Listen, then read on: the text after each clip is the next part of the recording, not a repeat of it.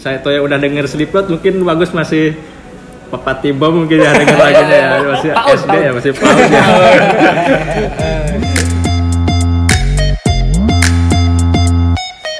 Asik asik. Kita bertemu lagi di Barangan Podcast. Pasti ada yang terbaru nih. Selamat mendengarkan. Selamat malam, selamat siang, selamat pagi seperti biasa. Kapan pun em, kalian mendengarkan ya selamat deh pokoknya. mulai kaku ya. Mulai kan ini udah lama ya. Gara-gara gara-gara ppkm diperpanjang lagi perpanjang lagi. Wah nggak ada nggak ada kita seolah punya harapan tapi dihancurkan lagi harapannya. Masih bersama saya Toya dan eh, Sentanu sementara eh, saudara PT sedang bulan madu dan Kita- ada kemungkinan besar ya dipecat seperti kemarin gitu Iya. Pecat aja. Kebetulan ya eh, kita juga apa namanya mengeliminasi dan open recruitment Hmm. sambil mencari-cari siapa sosoknya. Ya anggap aja ospek. kita kedatangan tamu saudara Gele ya. Halo, halo, halo, halo. Pendatang baru, perupa Perupa. Oh iya. perupa yang keluar dari zona nyaman. Saudara Gele, Gali. Yoi. EQE, EQE. Ah, mungkin kalau teman-teman Cibingbin kenalnya Pak Gele ini adalah sepeda tua. Aja. Benar tuh men. tahun berapa sih itu Tahu mbak, eh, bikinnya paling 2011 sepeda tua. Ya karena biasa hobi goes. Ah, Kalau tukang beca paling beca tua aja juga ya. ya itu eh, dulu tuh sepeda tua memang berada di jalur eh, Popang. ya. Ya. Dulu sih kan kebanyakan orang main genrenya biasa kan alternatif rock, pop. Ya, kita kan sedikit pengen beda jadi popang lah biar agak kota-kota dikit. Sebenarnya kita eh, mungkin namanya eh, perlu eh, perlu pe- pe- perlu diinformasikan bahwa nama bandnya adalah Joystick Ranger. masih eksis ya ya, kita tahu sih antara eksis dan enggak. ya tunggu aja deh. Kalau ada cuannya eksis. Ya, eksis. Jadi nggak menutup eh, nggak menutup tutup buku, nggak menutup buku, tapi eh, gantung gitar sewaktu-waktu. Ya dulu sih pernah apa berpikir apa nama Joystick itu bikin brand aja gitu brand, brand kaos. Eh udah keduluan sama udah efek. Karena kan Kalah sepi sepi job sepi job Oke. manggung. Malum lah band dari kampung. Iya, sebetulnya eh, joystick ini bisa bisa jadi eh, ngedongkrak. Ngedongkrak permusikan di Cibimbing di kampung atau di ya mungkin di kota kuningan juga sudah mulai berlaku ya Eh, ya maksudnya mendominasi juga joystick ini Bisa boleh gak jadi- nih ngopi dulu nih Ngopi dong sambil ngopi. Bisa jadi gitu. Tanpa popang pun eh, saudara Gele ini, saudara joystick ini bisa bikin aliran baru. Terserah dia aliran apa? gitu ya. saja dan sesat ya. Pemuda tersesat gitu. sebenarnya saya tuh sama om saya itu satu angkatan. Oke. sama-sama tua. Benar, cuma, cuma dia hij- hij- sebelum hijrah tuh dia hijrah duluan udah anak pesantren lah. Ketika orang lain belum musimnya hijrah yuk saya udah ngaji lebih jauh gitu Eh, jangan setengah-tengah deh hijrahnya. Kalau bicara hijrah ya kita ada, memang eh, setiap harinya hijrah. Ya, minimal hijrah dari pemikiran. ya benar Ya, karena kan hidup itu eh, dari suasana ke suasana Eh, betul betul Jadi eh, apa ya kita mau ngobrol apa nih masalah apa nih? Eh, apakah ini sebetulnya menarik sekali kalau bicara band gitu zaman dulu. bicara musik masuk bicara soal rupa juga masuk ya Oke. mungkin flashback dulu ya sebelum apa adanya gadget Android gitu kan Hah? ada Google YouTube kan Hah? dulu waktu zaman saya ngeband tuh pakai pita kaset jadi kalau apa mau recording band gitu kan ngejam pakai Walkman kan kebayangkan Hmm, dulu Jadi- gitu ya Ya, Uh, pas uh, ayo ayo ngejam ngejam Ah, apa? Patungan nih patungan. Rental band lah ya. Ayo ayo. Mungkin eh, saya tuh yang udah denger Slipknot mungkin bagus masih Papa Tiba mungkin ya denger lagunya ya. Masih Paut, SD paut. ya masih paut ya. Ya apa nggak menutup kemungkinan kan Iya. pengetahuan Slipknotnya uh, apa namanya peng- pengetahuan musiknya ya mungkin sudah jauh ke Slipknot ke Korn mungkin gitu. Waktu apa SMP tuh tahun apa 2002an lah. 2002an Umur 2002 ke bawah lah. Eh, apa kita mas apa udah denger Radiohead teman-teman masih Selo on Seven deh.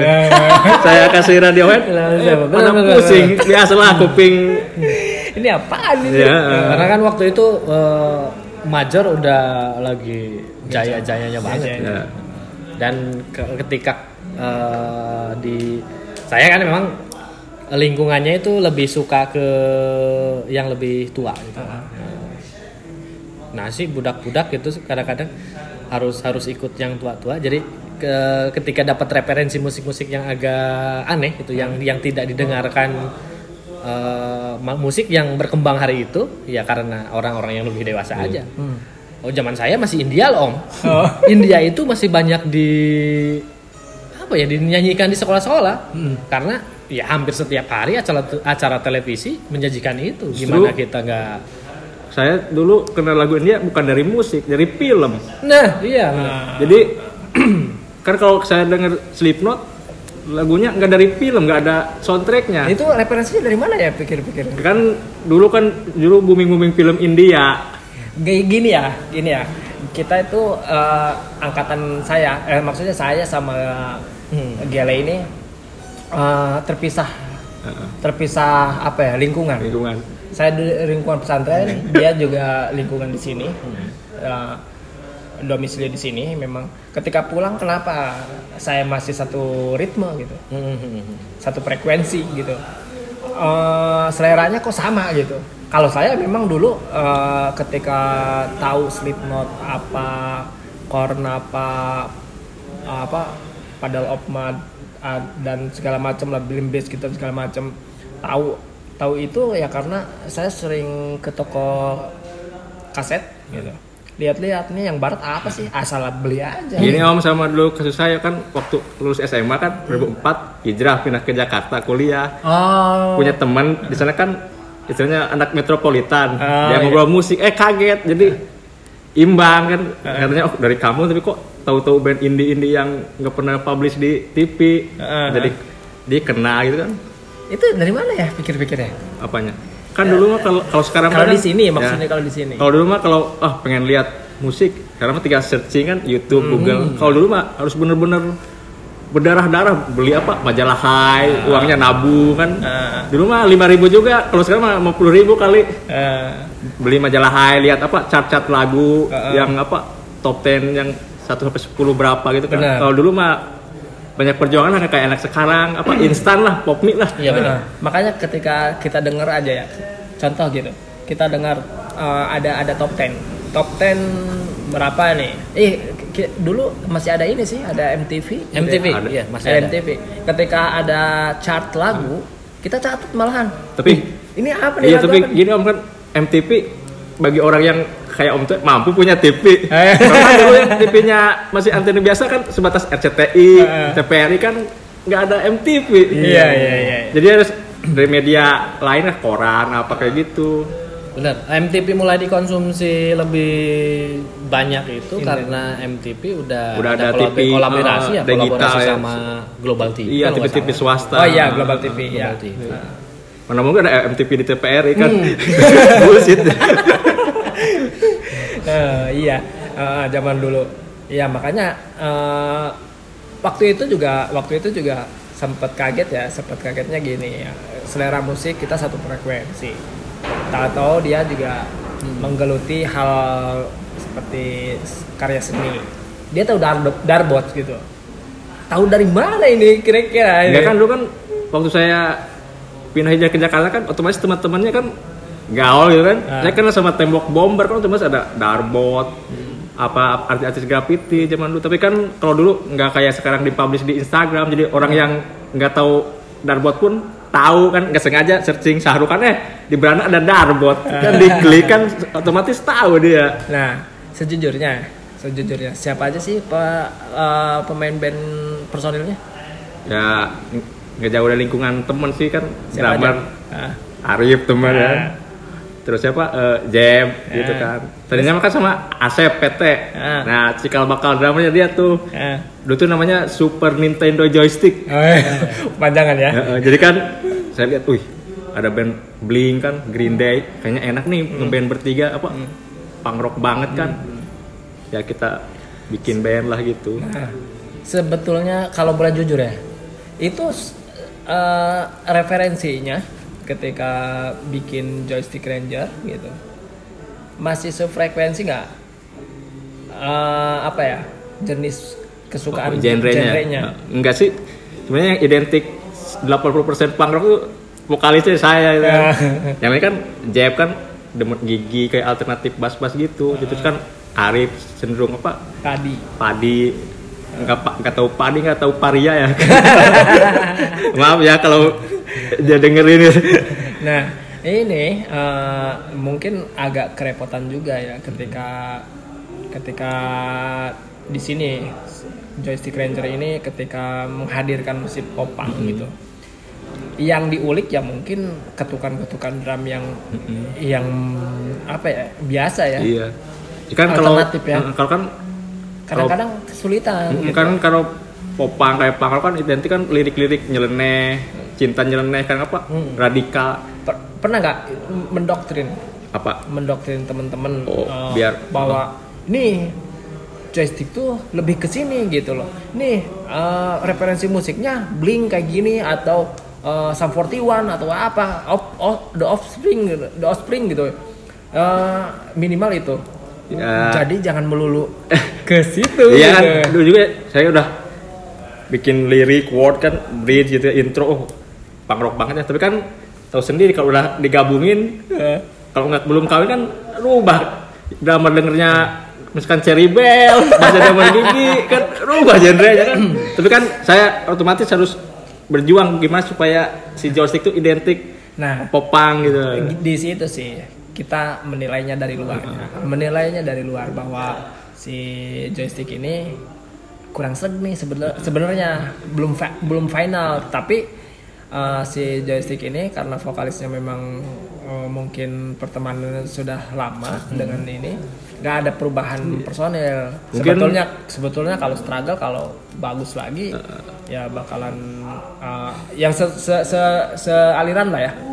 Uh, referensinya minimal. Dia pengetahuan referensi musiknya sepeng, sealiran ya mungkin bakalan lebih lebih apa menonjol gitu. Mungkin kalau orang awam lihat wah enak nih bikin grup band gitu keren gitu kan. Ah. dilihat cewek gitu ada banyak grupis gitu grupis lah. Tapi kan sebenarnya kalau band harus misi visi harus bersatu kan. Kalau nggak kompak kan tetep garing jadinya kan. Heeh. kayak ah tapi untungnya joystick tuh apa eh, sistemnya kayak koperasi kekeluargaan. Jadi gitu jadi walaupun ah, mungkin om tua juga tuh kan pernah lihat live gitu kan. Walaupun kita kecewa sama ketukan drum gini gitu kan bass gitu kan ah karena kita udah ke keluarganya. Iya. udah follow aja apa? Uh, flow aja Ya, flow aja, jadi eh. iya. Ini, ini oke lah itu yang sudah membentuk musik musik eh, grup band ya ente juga Gus. Ente juga kan pernah ngeband ya? Pernah. Ah, pernah ngeband. Oh, tapi tidak tidak matang untuk membentuk grup band ya. Gus lu pernah ngeband lu kok? Gak pernah tahu gitu nama bandnya baru baru denger gitu ya jadi gini sih dulu tuh gini ya eh, Terjangkit. Gua tadi terjangkit megang apa men Terjangkit main bass. oh iya main bass Eh, dulu kan alat alat musik di band yang dianggap paling mudah itu bass sebenarnya nggak Ah. gitu nggak nggak semudah yang kita Iya. kira Iya. ketika itu gitu kan Iya. Eh, karena Tinggal mungkin dongdeng dongdeng karena mungkin ada kesenjangan ya kesenjangan bagaimana pengetahuan tentang bagaimana kita main musik gitu kan dan dan ini kebetulan juga eh, ketika joystick hadir itu di Cibingbin atau Kuningan lah pada umumnya Indonesia bahkan eh, telinga orang Indonesia itu sedang melayu-melayunya loh. Ah. Gitu. Jadi eh, ketika misalkan dengar musik eh, warnanya dari joystick itu memang pasarnya bukan pasar masyarakat di masyarakat biasa ya, makanya. Iya kan kita juga orang yang main alternatif wah easy listening nih enak didengerin. Nah, tapi kita kan karena suka sama popang, punk rock jadi ah jiwa kita banget ah peduli amat lah mau misalkan bikin album laku nggak peduli ah yang penting keren lah. Hmm. Tapi tadi eh, bicara bicara i- apa namanya?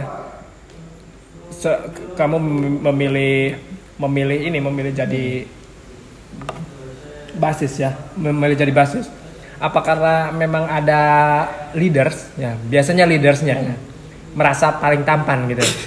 Eh, Kamu kayaknya kurang menjual nih mukanya. Kayaknya bagus cocok jadi lawyer ya, jadi pengacara ya. Biasanya kamu main megang- bass, megang main bass. bass itu ngisi yang kosong gitu. Oke. karena kebetulan yang jago-jagonya itu main gitar kalau Uh. main gitar sama nyanyi kan drum drum apalagi paling sulit kan paling sulit dimainkan gitu, gitu kan. Eh, belum belum banyak orang yang eh, tahu bagaimana cara main drum apalagi gitar gitar melodik kayak macam seperti itu kan. Saya eh, ambil bass karena yang kosong itu. Ya, gini, uh, memang untuk jadi vokalis juga ya, effortnya harus tinggi. Kita uh, apa namanya uh, harus punya tingkat apa ya kepercayaan diri yang lebih gitu dibandingin yang lain gitu. Minimal Iya, gitu. walaupun tampang ya lu nggak pede ya sudah am amblas bandnya gitu. Hmm. jadi ya bisa jadi. Si leader ini menempatkan eh bagus nih pengen ikutan ngeband nih kayaknya nih, cocoknya jadi apa ya?" Mungkin ini juga Pak kan saya main genre yang berbeda kan kan dulu waktu angkatan apa kakak kelas kita lihat main rip kebanyakan lagu-lagu cover ke zaman saya nggak yang jarang yang bikin lagu sendiri gitu kan. Kita mah ah pede aja lah bikin lagu sendiri walaupun jelek tapi alhamdulillah jelek. Alhamdulillah tapi tapi, ternyata tapi ya. ternyata nggak enak.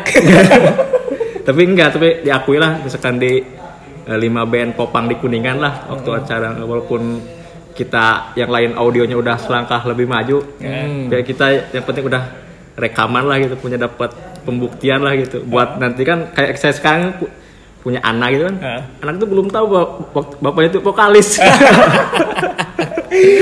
Padahal dulu paling narsis ya. Dan di zamannya itu om susah banget eh, susah banget Eh, mungkin mung- oke lah kita katakan bahwa eh, saya itu ketika itu mungkin ego gitu. Mungkin ego bisa atau mungkin ada ketimpangan soal referensi Iya. Ah. Jadi referensi soal musik gitu Iya. kan. ketika kita maunya ya, anu ternyata mereka belum familiar dengan itu Iya. Eh, mau tidak mau ya udah karena lingkungan kita tidak mau dibawa ke arah yang apa yang kita yang kita suka gitu akhirnya kita pilih yang yang umum gitu yang mayoritas padahal kita nggak sepenuh hati main itu ya mung eh, pada kenyataannya kalau kalau kalau kalaupun mungkin itu dijalankan ya nggak bakal sebagus apa yang kita bayangkan juga gitu kan. Heeh. tapi minimal karena eh, musik itu bukan hanya satu dua warna kan. Itu jadi suatu kesulitan. Akhirnya ditinggalkan ditinggalkan dan ya tidak berkembang sama sekali. Ah. tapi gini saya alutnya apa tinggal di desa apa Cibingin ya. Ah. walaupun kata orang wah desa Cibi tapi kan kalau orang produksi wih banyak apa istilah chord chord ada yang main underground rock ada anak skate gitu kan BMX gini ya eh, motivasi dulu tuh memang memang gini ya eh, tidak membentuk band seutuhnya. Dia hanya sebatas mumpuni sebagai player gini. Contoh di SMA gitu. Dulu zaman zaman SMA saya yang saya lihat di Cibing Bin ini eh, bagi yang punya skill gitar dia mumpuni untuk eh, belajar gitar lebih mendalam menekuni gitarnya. Tapi bukan menekuni eh, kebersamaannya Ya. bandnya. Iya, band. bukan. Gitu. Biasanya gitu. Egois Seperti- egois. Heeh, egois. seperti contoh ya eh, ketua Karang Taruna kita iya itu. tahu. Saya pernah featuring. Ya Ah, Agus Galing contoh. Itu kan dia mumpuni untuk main gitarnya. Ya wow tampil sekali. Mungkin ya juga kalau direkrut ke joystick mungkin intronya dua jam kali. Dari single gitar dulu kayaknya. single kita dulu, ayo. Sa- Sam 41 aja yang apa punk rocknya ada heavy metalnya nggak sampai banyak banget melodinya. Over ya berarti ya. Oh, eh, oper. Nah, iya gitu. Jadi eh, dia eh, apa namanya?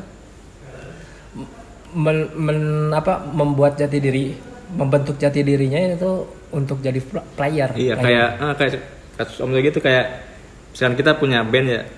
Jadi si gitaris tuh egois jadi apa? Eh, so apa volume sound tuh kegedean jadi dia pengen apa jadi kadang Pengen- vokal tuh pengen, kok iya. ketutup. Front banget, ya. jadi nggak apa kalau makanya tuh komposisinya nggak diatur eh. Ya harusnya low gitu jadi jadi pengen dianggap ketika ketika ada band baru ketika cari forma player jadi dengan seenaknya mencabut siapa aja yang bisa gitu. Mungkin apa ya yang pernah tahu ya ini kan cerita apa band-band anak kampung tapi yang ingin apa? Ingin eksis. Eksis eh, jadi nggak pengen ketinggalan zaman sama anak-anak kota. Ya sama kayak kita eh, keluar eh, desa tuh bu- untuk kuliah bukan hanya apa cari ilmu apa pelajaran tapi kita bisa bergaul apa tahu band-band indie sana kayak saya misalkan biasanya dengar Sela pindah ke Jakarta kenal apa The Sigit eh bukan The Sigit apa kayak lain band The Branda The gitu kan Branda. eh. jadi gitu jadi ada bonus lah terus eh, dulu kan pernah punya MySpace ya Oh, kalau MySpace belum. Paling di Reverb Nation. Jadi Reverb Nation waktu ada MySpace kita masih apa? Masih duntak-duntak belum serius. Ah. Nah, pas serius di Reverb Nation. Nation. Reverb Nation ini kan memang situsnya memang eh, mudah di-download Iya, ya? mulai mudah download. di-download Terus registrasinya nggak kayak kita mau upload di Spotify apa nggak ribet lah gitu. Hmm. Nah, dulu tuh memang eh, cari pendengarnya tuh seperti sepertinya di Reverb Nation ini untuk siapa sih? Ya untuk kalangan penikmat band-band indie ya seperti itu. Cuma kan Hmm. Jadi jadi crowdnya bukan di sini ya? bukan tapi kan kalau Jelas bukan. kalau kalau Reverb Nation jadi chordnya nggak kayak dulu kita cari panggung jadi buat pengikut lah gitu ya istilahnya buat kalau produk mah buat iklan lah gitu ini ekspektasinya, impiannya dulu. Ketika membentuk band ini apa sih impiannya ketika ya kita kan kiblatnya kenalah rocket rocker ya yang di Iya. bang ya pengen seperti itu jadi manggung di manggung mana-mana? terus di endorse. Eh, tapi nggak tahu sih mungkin kita juga kalau udah kayak rocket rocker mungkin udah terkenalnya mungkin saya juga hijrah kali. Kembali lagi. Jadi udah penat sama apa dunia gelap. Dunia kapela. Semua akan hijrah pada waktunya katanya. Kan gitu. kita juga nggak tahu kayak om tuh gitu bikin CI gitu kan nggak tahu kan ya. Kita dulu waktu SMA itu cari tempat nongkrong tuh di mana gitu kan sulit eh kirain kita udah merit nikah banyak tempat nongkrong set sial Makanya jangan jadi orang tua. Eh, kita menolak tua sebenarnya. Oke. Kalian berdua, yang lain gimana? walaupun kita apa di dunia underground tapi tetap mengawasi Eh, gimana kalau eh, eh, ba- bagi kamu tan- tanggapan eh, Lukman ya? Oke ya. Eh, Oke, oke, Oke oke oke. oke. Oh Lukman eh bukan. Oke Oke. oke. Tangga- Tanggapan seorang gila gimana?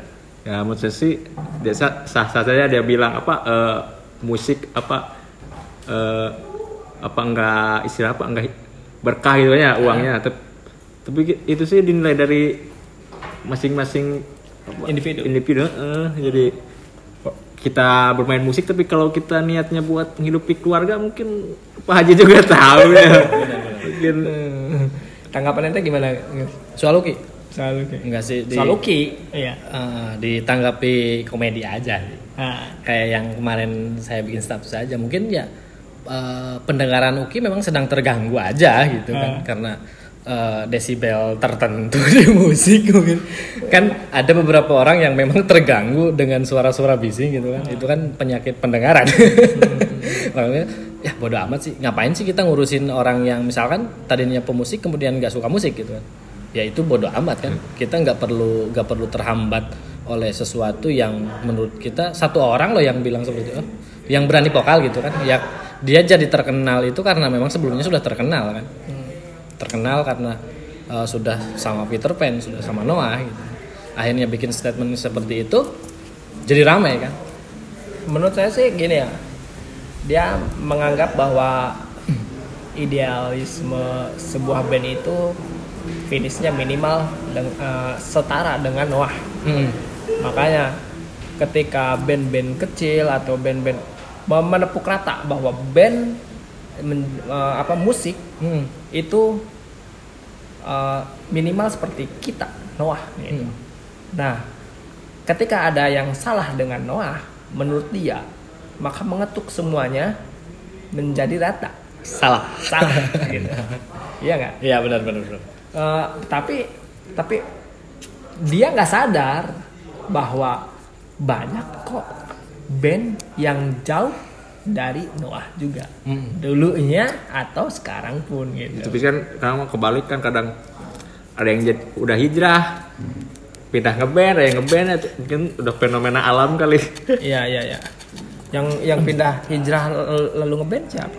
apa itunya Nah, contohnya? Kan, kan kayak siapa eh namanya apa Ustadz Derry kan Ah. pertama kan hijrah hijrah kan main ini lagi Ah, musik lagi heeh. Ah. jadi mungkin dia eh, Opik? jadi eh, Iya. jadi apa bermusik gitu. Opik bermusik, hijrah, jadi musiknya tetap religi. Mm, jadi kan Cak Nun bermusik. jadi kan saya musik bisa juga buat apa kayak terapi itu kan bukan hanya soal kebisingan itu kan Nah, kayak kita menurunkan apa kayak mata pisau kan nggak bisa buat kebaikan bisa buat kejahatan kayak gitu sih kadang orang bilang oh musik nggak bisa nafkahin itu kan heeh. kita kan cuma sekedar hobi tadinya bukan buat apa walaupun tadinya pengen buat kebutuhan hidup kan kayak gitu Kayak itu aja eh, stigma yang berkembang untuk musik-musik metal itu kan. Oke lah untuk masyarakat kita yang religius itu kadang eh, kalau misalkan referensinya metal metal barat atau Iya, Amerika gitu kan. black metal Mereka kan ya, satanik kan. Oh, black Tapi kalau misalkan mereka memperhatikan bagaimana metal yang ada di Indonesia itu oh, jauh berbeda metal Indonesia dengan metal yang ada di barat atau di negara luar Indonesia. Iya. kayak di itu contoh di Norwegia kan kebanyakan orangnya denger black metal karena mungkin udah jadi budaya di sana jadi dengerin black metal tuh keren terus apa kayak bisa buat semangat kan Iya. Yang lebih mencolok itu kan soal tema. Kita lebih sosialis temanya gitu. Oke. nggak ah. ada soal menyembah berhala atau apa gitu ya musik itu sebenarnya kalau misalkan eh Harry Sutrisna bilang Heeh. gitu kan eh, ketika dia ditanya soal bagaimana musik yang bagus itu apakah musik yang harus bermuatan politis harus bermuatan perlawanan gitu. Eh, menurut dia sebenarnya ya musik ketika kamu bermusik ya bermusik aja gitu.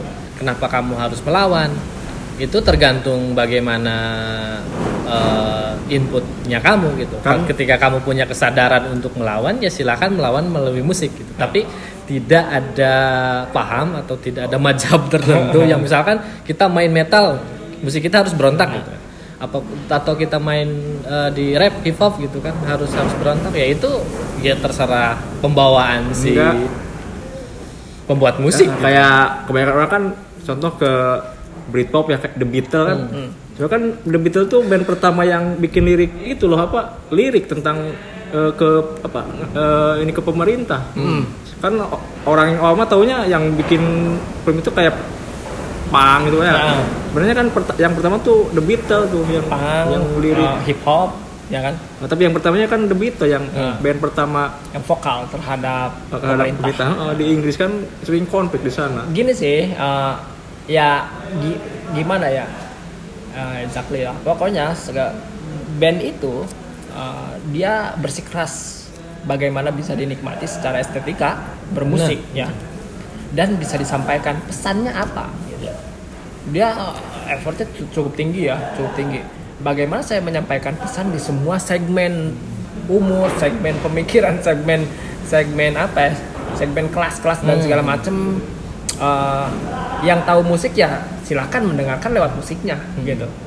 Yang tahu ini unsur politik ya silakan. Mm-mm. Kamu eh, artikan bahwa musik saya hanya sebatas liriknya gitu. kayak apa gini apa flashback ke zaman dulu ya zaman dulu banget ya zaman kerajaan ya Boys. kalau dulu tuh pemain musik tuh bukan buat masyarakat. Jadi Oke. dia tuh buat menghibur raja sebenarnya tuh. Kalau pemain musik tuh sebenarnya buat penghibur raja sama buat apa penyemangat kalau perang tuh. Ah, Uh, nggak kan kalau sekarang musik tuh bisa buat terapi buat apa orang yang cinta kayak gitu yang galau gitu kan. Memediasi atau musik lah intinya. sambil bisa belajar gitu. Banyak. Lah. dakwah juga bisa. Ya, awalnya kalau sekarang mah universal. Makanya dulu di Jerman tuh marak-maraknya apa imo. Band-band imo eh. Nah. kan banyak yang frustasi bunuh diri. Iya. mungkin yang tahu penggemar imo lah kan imo liriknya kayak cinta gitu kan. Kalau cinta biasa mah kita putus udah biasa. Kalau imo kan lebih baik aku suka padamu biar kenapa dibelah dadanya apa dikasih apa jantungnya kalau gitu jadi kan sempat dilarang di Jerman Eh, emo itu ekspresif sebetulnya ya, seba eh, emosional, Emosional. emosional terhadap apa pun itu. Tapi banyak yang memang eh, memulainya lewat cinta, Eh, emosional lewat eh, kekecewaan, cinta dan segala macam lah pokoknya. Eh, tapi banyak juga kok by semicolon romance dan Iya. segala macam. Eh, apalagi ya, Muse juga eh, itu pesannya ya walaupun emosional Iya. tapi uh, dia dengan genre yang Iya. sedikit difference gitu ya. Nah, tapi kan Muse walaupun ada imo tapi sedikit ada gerang-gerang gitu kan. Ah, tapi kan uh, di situ kan dia yang uh, dia menyampaikan pesan-pesan bukan hanya sebatas uh, apa namanya kebanyakan imo pada zaman itu gitu. Mungkin Asep Irama juga kayak saya imo. Nah, imo. Kalau dulu udah ngetren kan dia kan mengungkapkan perasaan kan. Benar, benar, benar. Tunjukkan. Eh, Mungkin imo dangdut Tunjukkan kan. Eh, ke mana. Imo dangdut sebenarnya bisa didangdutin men apa ya? nanti kita bikin proyekan Ya.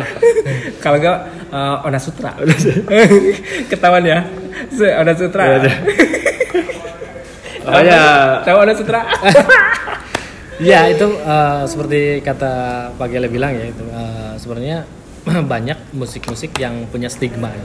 Kayak misalkan musik dangdut gitu kan. Dangdut itu katanya dibilang musik cengeng gitu karena hanya bicara soal cinta kayak tadi disebut disebut eh, Asep Irama gitu kan yang tema-temanya melulu soal bagaimana keresahan hati, bukan hati lagi dia keresahan dia. Mm-mm, Kan kegalauan kegalauan dia itu. gitu kan nerima dia nggak bisa melihat Ah. kayak gitu kan. Kan kalau misalkan disebut dangdut musik cengeng ya kita lihat aja blues gitu musik blues itu nggak cengeng gimana nggak Justru- nggak mengaduh gimana Ya, gitu just- Ka- secara tema gitu kan Sudah itu musik struggle ya, gini. kuat. Oke, semuanya memang punya persepsi masing-masing ya. Eh, bagaimana si penerima musik tersebut gitu. Cuman kadang gini, mungkin Oke, eh, Uki ini oh, Jeruk- Oke man, Oke jelidri kan. Oke jelidri. ya semoga aja dapat endorse. Jadi mungkin uh, mendeskripsikan bahwa musik itu uh, mengandung banyak kemaksiatan. Dia selalu ya mungkin dia sering mendapati musiknya di tempat-tempat bermaksiat gitu. mungkin gitu. Tapi ya semoga aja enggak gitu. atau mungkin dia nggak kenal Sunan Bonang Aduh, nggak tahu bagaimana sejarah eh, penyebar luasan Islam. Islam gitu kan Oke. nah, ya uh, bukan bukan berarti kita lebih tahu ya tapi menurut kita ya ngapain sih gitu? Kamu hanya memandang musik dengan sudut pandang kamu yang negatifnya aja. Padahal kan orang-orang baik yang main musik juga banyak gitu. Sebenarnya gitu ngebahas musik nggak bakal habis sih. Soalnya kan musik tuh kalau dilihat dari akarnya kan pertamanya dari rock and roll sebenarnya kan. Apa eh, bapak rock pertama tuh Elvis Presley. Kan rock. Si klimis Eh, jadi kan j- jadi apa rock and roll jadi popang jadi apa? Britpop jadi hardcore sebenarnya kan satu. Iya memang sih. Kita kalau bahas musik nggak bakalan habisnya ya. Eh, cuman bahas Joystick Ranger nih kayaknya ada habisnya. mungkin bagus juga eh, ket- apa dia terlahir mungkin waktu bapak ibunya denger musik kali ya. Langsung jadian. Ada kemungkinan kayak gitu Eh, Elvis Presley itu eh, apa namanya Eh, King of iya rock and roll Rock and Roll, rock and roll Rock and Roll King bukan King, King. of Pop kan kan Michael Jackson King Michael Pop. Jackson. kalau King of Dangdut Roma Irama Rhoma Irama. Iya. Rhoma Irama kan melarang kita begadang. Ya. ya, ini eh, kerajaan yang satu-satunya tidak bisa digeser adalah kerajaan dangdut. Bung, dangdut tuh apa nggak ada istilahnya di- cuma ada di negara Indonesia Heeh. walaupun India mirip tapi beda Heeh. Kira-kira siapa pengganti da, ke, ke- pengganti raja dangdut berikutnya kira-kira yang pantas gitu? Dari dangdut mungkin sep- ini belum ada yang tergantikan ya Iya. soalnya kan dia udah apa legend legendnya udah legend banget ya legend legend jadi Sempet dulu Bondan Prakoso pengen jadi pangeran dangdut dulu. itu masih lumba-lumba Aku lah pangeran dangdut kan itu. Itu Abi Mesa. Abi ya? Abi Mesa. Eh, salah dong, salah. Oke. Ah, itu pangeran lumba-lumba nah, tapi tidak tidak tergeserkan. Eksis eksistensinya sekarang masih kalah sama raja dangdut gitu. soalnya kan kalau Roma Irama tuh udah diakui internasional jadi kan ini udah di eh, dianugerahi apa honorer causa udah kayak profesor Nah, bener. jadi kan Dia dia, profesornya lah, Eh, di jadi dangdut. kan diteliti tuh Oma tuh musiknya bukan hanya sekedar jadi ada eh, musik-musik Ingwi sama apa yang bukan Ingwi apa yang band itu tuh band-band yang dari Amerika tuh lupa The Iya. Purple ya, ada- Dangdut itu ada The memang Purple-nya tuh e- e- eklektik ya, gitu. ya. campur aduk kayak semacam uh, musik Melayunya ada, uh, campuran dari Indianya juga ada, Rocknya ada. rocknya ada. Ini kita ada backsound teman-teman kita di belakang ya nggak masalah ya. Kita memang lingkungannya rame. asal jangan kayak di India backsound klakson Jadi Oke. nggak ada hal apa pun klakson bunyi gitu. Dan gini ya, eh, memang untuk musik ini eh, identitas raja, king, queen dan segala macam tidak bisa tidak bisa digeser mungkin ya. Sampai sekarang almarhum Michael Jackson juga belum siapa pengganti King of Pop ini. Jangan ada kan? jangan jauh-jauh lah Michael Jackson apa King of Broken Heart aja apa Deddy Kempot ada pengganti ya kan Mungkin ente men. ya belum bisa Kemarin. cengkok cengkok dangdut ya Nah, eh, ya mungkin itu salah satu apa ya namanya. eh, kalau kamu pengen jadi king atau pengen jadi pangeran sebuah musik ya mungkin harus menciptakan aliran baru mungkin. enggak gini menurut menurut Om Toya tuh yang definisi dia itu King of dangdut tuh dari siapa? Dari netizen kan kalau kalau di apa ajang itu kan ada polling kan. Ah, kalau ini kan udah langsung Om Irama Raja Dangdut ya. Siapa sih yang pertama? Dia sendiri sebetulnya ya. dia sendiri. Dalam filmnya si Raja Dangdut. Ada ya? Eh, saya belum belum lagunya Ada. ada, gak? ada juga pangeran Eh, dangdut eh, si gitar tua eh bukan ya? Gitar si tua gitar apa ya? oh enggak ada Enggak, dalam filmnya ada gini ya. ah itu versi Dalam, dalam filmnya gini, ih dia si raja dangdut doh. Oh, mungkin oh, mungkin dari itu, dari dari bisa jadi dari film. Dari film, dia si raja dangdut gitu. dari skrip film gitu kan. Scene-nya ada yang ada yang bicara, oh eh, Roma, kamu dapat kontrak. Eh, saya sebagai produser, kamu dapat kontrak khusus karena kamu adalah raja dangdut. Dan Eh, teman-teman bisa lihat di slide video filmnya sampai apa ya keluar kan di situ filmnya tuh uh, headlines headlines news berita-berita di metropolitan bahwa uh, telah ditentukan raja dangdut. Padahal kan itu hanya ilustrasi hanya sebuah drama si uh, apa namanya film. Market ya.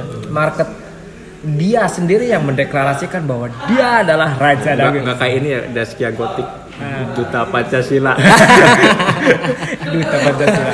Tapi ya uh, ketika dia bicara uh, apa mendeklarasikan dirinya sendiri bahwa dia adalah raja dangdut ya uh, masyarakat menerimanya gitu. soalnya kan nggak ada nggak ada rivalnya kan dia doang Roma. Waktu itu Pelaku utama. waktu itu pernah loh duet uh, rock dan dangdut. Waktu Good Bless Ahmad Albar. Pernah sampai uh, apa namanya? Versus versus sampai tengah malam. Itu cerita dari Babeh ya bahwa kekuatan musik rock versus dangdut gitu. The power of rock and dangdut. Ternyata yang paling banyak adalah musik dangdut. Nggak ada habisnya. Roma Irama bisa menciptakan lagu hanya lima menit sebelum lagu eh, ketika ketika Good Bless itu tampil kan gantian ya? Gantian. Good Bless dangdut. Good Bless dangdut dan segala macam. Sepertinya Soneta. Om Toya Porsa ketua Porsa Kuningan. Tahu apa? Mungkin temennya mak aku ya. Tahu belum belum rumah Irawa ya sebelum eh, ke dangdut ya saya juga memang penggemar Ona Sutra. Dangdut dangdut Ona Sutra. Tapi saya pernah lihat Roma tuh sebelum apa berevolusi jadi dangdut lo kan dulu dia or eh bukan orkes kayak or kan dulu orkes orkes, Orkes Melayu, gitu kayak Kus Plus sama kan Kus Plus juga orkes Melayu pertamanya ya. Itu tadi karena karena dangdut itu eklektik banyak menyerap dari luar makanya eh, ketika tahun di tahun 90-an mungkin ya ketika the apa the Farvel the Farvel datang ke Indonesia itu kan ya itu musik-musik rock bagaimana Roma Irama kata kata jurnalis musik ketika itu ya. Katanya eh,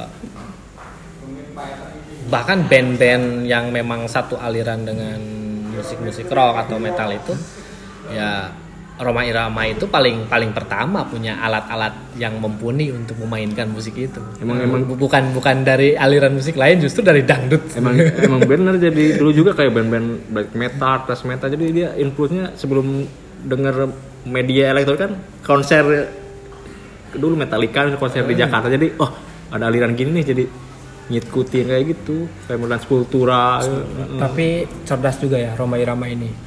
Mengambil semua lini segmentasi entertain entertain ya. Dari segi dakwah dari segi musik dari segi perfilman. Apalagi sih yang musim dulu? Eh, iya nggak? Iya. yang dialami sekarang mungkin amatir gitu orang-orang yang sekarang eh, selebritas Indonesia. Multi talenta gitu. Multi talenta ya itu sih the power of kepepet juga mungkin. Mungkin harus harus harus dijalani semuanya. Tahu sendiri albumnya juga. Volume 1, volume 2. best of the best. Bukan best lagi best of the best. Eh, tapi itu apa nyerempet ke oh, ada lagi pak. Benyamin S tuh Ah. legend juga Nah, tuh. Nah. walaupun dia pemain film kan Benar. main Dia musik. bermusik juga. cepet. Sebelumnya main musik apa main band dulu dia? Apa eh, enggak. Maksudnya Oh. musik musiknya dihasilkan dari film, film eh, tapi kan dia apa sih udah musisi gitu kan banyak karya. Terus pernah sempet denger orang Indonesia pertama yang rap bukan Iwaka Pak Benyamin. Ah, iya, yang iya, apa lagu apa kompor melulu apa ya? Pokoknya ada kata-kata yang kayak rap kayak gitu. Cuma mungkin zaman dulu mah nggak nggak tahu istilahnya gitu. Istilahnya mungkin ya kayak gitu Karena dulu benar-benar masak juga kan. Eh, ketika mereka berkesenian awal apa? Baik di musik atau di peran sekalipun mereka berangkat benar-benar dari bawah gitu. Tahu ilmunya seperti apa kayak ya, eh, orang orang-orang film dulu kan mereka berangkat dari pentas drama. mungkin anak milenial juga tahu sejarah Oma Irama gitu kan bisa bisa lihat Wikipedia kayak Google tapi dia belum tentu tahu rilisan fisik Hmm, kayak kaset apa piringan hitam gitu kan. Nah, kaset pita gitu. kalau misalkan pengetahuan lah boleh lah. Dia tahu dari sumber banyak sumber kan. Kalau misalkan rilisan fisiknya mungkin mereka belum pernah pegang belum denger apa. Ini audionya kayak gimana kayak gitu. Jadi kekurangan anak milenial tuh nggak tahu rilisan fisik kayak gitu. Ada rencana lagi untuk joystick kayaknya mau rilisan fisik tapi bentuk kayak biskuit. Kayak dulu apa zaman film Satria Baja Hitam kan? Wah filmnya asik nih. Eh ada keluar kasetnya kan hadiahnya. Biskuit gitu kan. Kue nah, pengen pengen ngeluarin album tapi packagingnya ada biskuit. Benar dia payung? Jadi orang Indonesia tuh kebanyakan dilihat bukan apa musiknya deh hadiahnya kayaknya. Kebanyakan berimajinasi bahwa eh, apa yang bisa saya dapatkan selain dari musiknya mungkin kayak dulu zaman DVD kan rental rental apa kaset. Eh, orang tuh kalau lihat film bukan dari judulnya lihat covernya. Ada yang gambar seksi langsung disewa. Eh, Hmm, benar benar. ya, kayak ini kayak TTS Nah, itu- salah Kita satu kekuatan TTS. marketing gitu. Nggak suka TTS yang penting isinya kan ada ada hadiah ininya lagi stikernya lagi.